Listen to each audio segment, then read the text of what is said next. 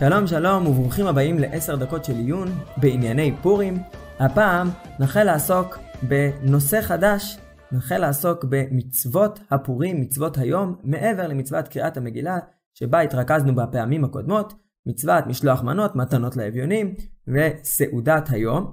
והדברים שנתחיל לעסוק בהם בפעם הזו מיוסדים על מאמר שכתב מורי וחמיר רב דוד הנשקה, מאמר קצר בכותלנו, שנכתב לפני כמה עשרות שנים, וכמובן מי שיעיין במאמר במקורו, ימצא את הדברים בהרחבה הרבה מעבר למה שהתבאר כאן.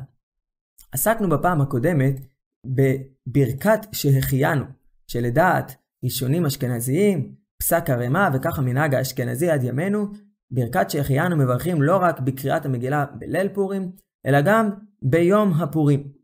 הפוסקים בסימן תרצ"ב, המגן אברהם ועוד, כתבו שכאשר מברכים שהחיינו על קריאת המגילה, צריך לכוון לצאת ידי חובת ברכת שהחיינו גם על שאר מצוות היום שיהיו בהמשך היום, משלוח מנות, סעודת פורים, מתנות לאביונים, שהרי גם הם מצוות, ועל המצוות הללו לא תקנו באופן מיוחד ברכת שהחיינו, ואדרבה, במנהג האשכנזי שמברכים ברכת שהחיינו שוב ביום, אפשר להרוויח לכלול את שאר מצוות היום שאדם יקיים לאחר קריאת המגילה ביום. לכוון שהחיינו של קריאת המגילה בלילה שהוא כל כך רחוק מהמצוות שהתקיימו ביום, זה לא כל כך שייך, ולכן צריך לכוון בברכת שהחיינו של היום, כי זמן המצוות הללו הוא דווקא ביום. באמת, הדברים הללו של המגן אברהם ופוסקים נוספים שמביאים את זה, מעלים בעצם שאלה יסודית הרבה יותר. מדוע צריך לכוון לצאת ידי חובת בברכת שהחיינו כאשר קוראים את המגילה בבוקר? ולמה לא תקנו חכמים פשוט לברך שהחיינו כאשר מקיימים את מצוות משלוח מנות בפועל? יתר על כן, האחרונים שואלים עוד יותר, מדוע לא תקנו בכלל ברכות על שאר מצוות היום? כל מצווה שאדם מקיים, גם מצווה מדברי חכמים, אדם מברך לפני כן ברכת המצוות. מדוע לא מצינו על משלוח מנות, מתנות לאביונים, אולי גם על הסעודה, ברכה מיוחדת אשר קידשנו במצוותיו וציוונו על משלוח מנות. השאלה הזו מחייבת איזושהי העמקה ומחשבה, אולי יש פה עניין מהותי שבגללו אין בכלל ברכות על המצוות הללו. לא ברכת המצוות ולא ברכת שהחיין. הרמב"ם בתחילת הלכות מגילה וחנוכה, הרמב"ם כולל את הלכות מגילה וחנוכה בקובץ הלכות אחד, מתנסח בצורה שמעצימה, אפשר לומר עוד יותר, את השאלה הקודמת. הרמב"ם כותב שבהלכות מגילה וחנוכה יש שתי מצוות. שתי מצוות עשה מדברי סופרים. הרי בכל קובץ הלכות הרמב"ם פותח במין הקדמה קצרה שבה הוא מונה את המצוות שפרטיהן התבהרו בהלכות אלו. בהלכות מגילה והחנוכה אין מצוות עשה מהתורה, אבל יש מצוות עשה מדברי סופרים. כמה מצוות? שתיים. מדוע שתיים? מקרא מגילה והדלקת נרות חנוכה. נשאלת השאלה, לאן נעלמו שאר מצוות יום הפורים? הרמב"ם פותח את הלכות מגילה, פרק א', הלכה א', קריאת המגילה בזמנה, מצוות עשה מדברי סופרים. ומה עם משלוח מנות, מתנות לאביונים? סעודת היום. מדוע כל אלה לא נחשבים גם כן למצוות עשה מדברי סופרים. דבר מעניין הוא שהשאלה שיש לשאול על הרמב"ם, אפשר לשאול על המגילה עצמה, מגילת אסתר, בצורה קצת הפוכה. מי שיעיין במגילת אסתר עצמה, לא ימצא בכלל במגילה עצמה את מצוות קריאת המגילה. כתוב שכתבו את המגילה על ספר, אבל כשישנה תקנה לקרוא את המגילה בפורים, זה לא מופיע במפורש במגילה. משלוח מנות, מתנות לאביונים, סעודה, ימי משתה ושמחה, הדברים הללו מופיעים כמה וכמה פעמים ועוד נראה בהמשך את הפסוקים, אבל קריאת המגילה לא מופיע. באמת, הרמב"ם בהקשר הזה הוא אמנם הפוך במובן מסוים מהמגילה, אבל למי הוא מתאים? הוא מתאים למקורות התנאיים, במשנה, בתוספתא, במקורות התנאיים המרכזיים שעוסקים בענייני פורים, מצוות קריאת המגילה נידונה בהרחבה, הרחבה גדולה, אבל משלוח מנות, מתנות לאביונים, ימי משתה ושמחה, כל הגדרים של הדברים הללו כמעט ולא התבהרו, כמעט ולא הוזכרו. מתנות לאביונים מוזכר פעם אחת במשנה, ממש בדרך אגב, במשנת אין בין אדר הראשון לאדר הראשון, אלא מקרא מגילה ומתנות לאביונים. לא דנים בגדרים של המצווה, בשאלה מתי חייבים בדיוק, מה עושים, כמה עושים. יש איזשהו היפוך בין מה שמופיע במגילה עצמה לבין מה שמופיע במקורות התנאיים ולאחר מכן ברמב"ם. במקורות התנאיים וברמב"ם נראה כאילו המצווה היחידה בפורים היא קריאת המגילה. ונראה שההסבר לדבר הזה מופיע במגילה עצמה. לקראת סיום המגילה ישנו פסוק שדורש איזשהו הסבר. לקיים את ימי הפורים האלה בזמניהם, כאשר קיים עליהם מרדכי היהודי ואסתר המלכה, וכאשר קיימו על נפשם ועל זרעם דברי הצומות וזעקתם. מהי ההשוואה כאן בין קיום ימי הפורים האלה בזמניהם, לבין מה שהם קיימו על נפשם ועל זרעם את דברי הצומות וזעקתם. מי הם הצומות הללו? ומה ההשוואה בין דברי הצומות לבין ימי הפורים? ובדבר הזה ישנם כמה פירושים. האבן עזרא בספר זכריה, בפרק ח', בפסוק שעוסק במקור לארבע הצומות, ארבע הצומות שמדברי קבלה כמובן, שצמים במהלך השנה, תשעה באב, י"ז בתמוז, צום גדליה ועשרה בטבת. אומר אבן עזרא פירוש לפסוק שלנו, וכאשר קיימו על נפשם ועל זרעם דברי הצומות וזעקתם, ככה פירושו, שקיימו וקיבלו על נפשם ימי הפורים לשמוח בהם, אף על פי שלא ציוום הנביאים, רק הבנים הם חייבים לעשות מה שקיבלו אבותם. כאשר קיבלו על נפשם דברי הצומות האלה, הארבעה נזכרים.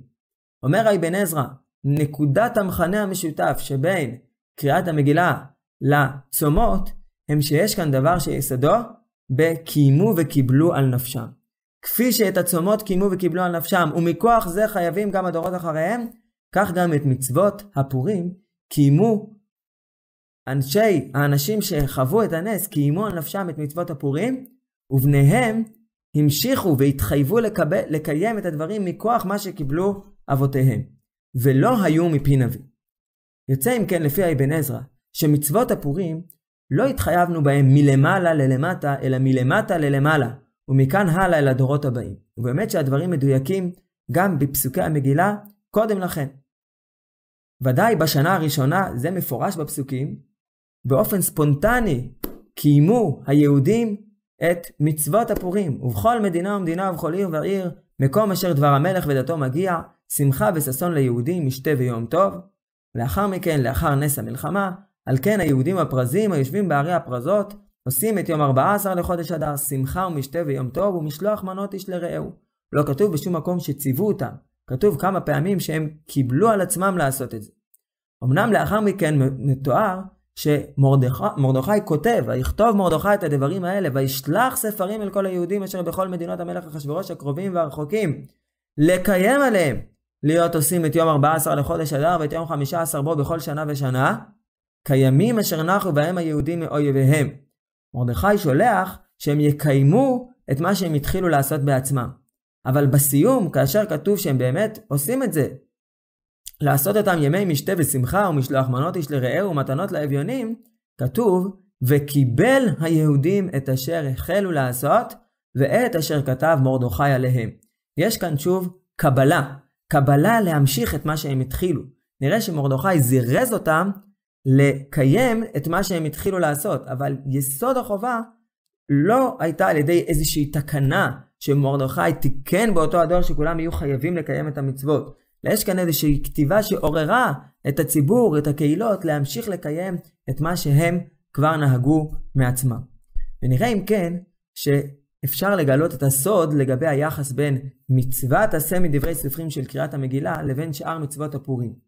מצוות קריאת המגילה היא היחידה שלא מופיעה בפסוקים, כי היא באמת בה נצטוו מפי נביא, מפי אנשי כנסת הגדולה, ראינו דברי הטורי אבן, שזה מפי רוח הקודש, דברי קבלה, זו מצווה של ממש, מצווה מדברי סופרים, עם גדרים, עם הלכות, עם תקנות קבועות, איך בדיוק מקיימים אותה, לפי הגדרים של חז"ל. לפני מצווה כזו, יש ברכת המצוות, יש ברכת שהחיינו. אבל שאר מצוות היום, הם לא ממש מצוות, משהו שמחייב את האדם מבחוץ, מחייב את הציבור מבחוץ, תקנה שמתקנים. יש כאן איזושהי התפרצות התפרצות של שמחה, התפרצות טבעית, קיום טבעי שקיימו היהודים מכוח תחושת הרווח וההצלה של אותם הימים. קיום טבעי שגם הדורות הבאים אחריהם הסכימו וקיבלו על עצמם לקיים מעצמם, להמשיך את מה שקיבלו על עצמם הדורות הראשונים. לא מצווה של ממש יש, יש כאן, אלא קבלה. קיימו וקיבלו היהודים עליהם ועל זרעם. ועל מצווה מעין זו אין ברכת המצוות. לא מדובר על איזשהו טקס דתי, איזו מצווה שלפניה אומרים לשם ייחוד, אלא יש כאן דווקא דבר שנובע מתוך איזשהו פרץ טבעי. והרעיון הזה, אפשר לדייק אותו מתוך הלכה נוספת של הרמב"ם. הרמב"ם כשהוא בא לנסח את שאר מצוות, הדברים שקיבלו עליהם בשאר אה, שאר העניינים של פורים, כותב הרמב"ם מצוות יום 14 לבני כפרים ועיירות ויום 15 לבני כרכים, להיות יום שמחה ומשתה ומשלוח מנות לרעים ומתנות לאביונים. אין כאן מצווה לתת משלוח מנות, מצווה לתת מתנות לאביונים, אלא זה אופיו של היום, מצוות יום 14. יום הפורים מתאפיין בכך שהוא יום של משתה ושמחה. ממילא, מעצם טבעו של היום, יש מציאות של משתה ושמחה, יש מציאות של משלוח מנות איש לרעהו ומתנות לאביונים. יש איזושהי התרחבות, איזושהי התפרצות, איזושהי יציאה החוצה של שמחה, של אה, נתינה וקבלה מאדם לרעהו, שמחה ומשתה ויום טוב.